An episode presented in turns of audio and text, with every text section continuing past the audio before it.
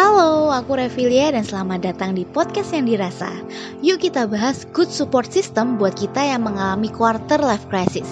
Gak dibungkiri dan harus diakui, quarter life crisis itu sulit. Menguras emosi, membebani pikiran, bahkan melemahkan semangat. Aku belum tahu rasanya keluar dari masa ini ya, karena aku masih mengalaminya. Jadi aku gak tahu apa rasanya.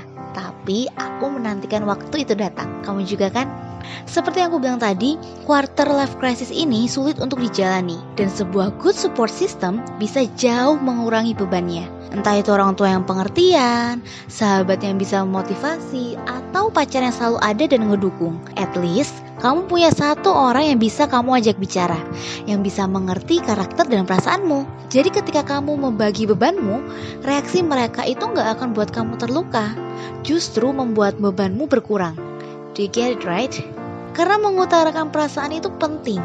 Ketika kita marah atau sedih atau emosi, jangan dipendam. Release them.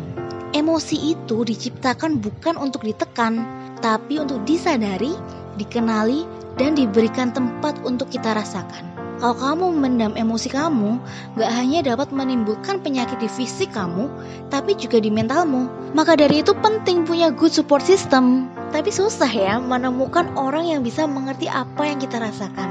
Karena gak ada seorang pun yang bisa tahu apa yang kita rasakan, even orang tua atau saudara kembar sekalipun. So, ubah mindsetmu. Jangan expect orang untuk mengerti perasaanmu.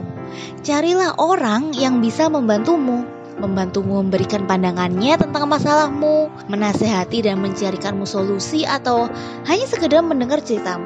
Atau mungkin membantumu melupakan masalahmu dan bikin pikiranmu rileks. Dengan begitu, minimal kamu nggak merasa sedih dan sendirian. Kamu punya tempat untuk melepaskan emosi kamu.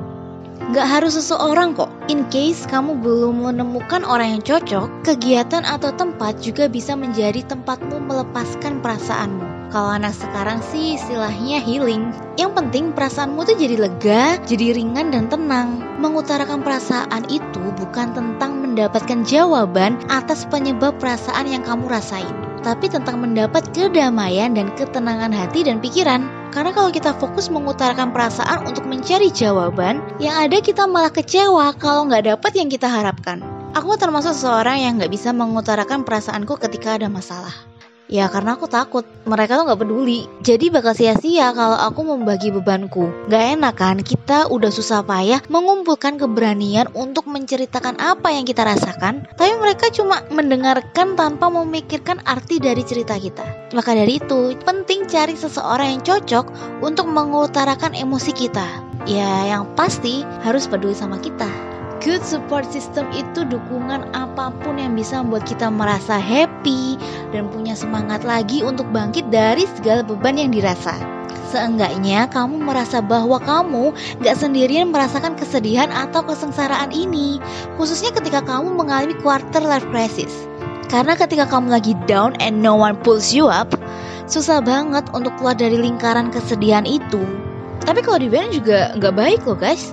Maka dari itu, tetap berikan segala bentuk support system ke dirimu sendiri ya. Comfort yourself is a must. Entah itu kamu curhat sama orang yang kamu percaya, orang yang peduli sama kamu, atau mungkin healing cari kegiatan atau tempat yang bisa menenangkan dan melepaskan emosimu.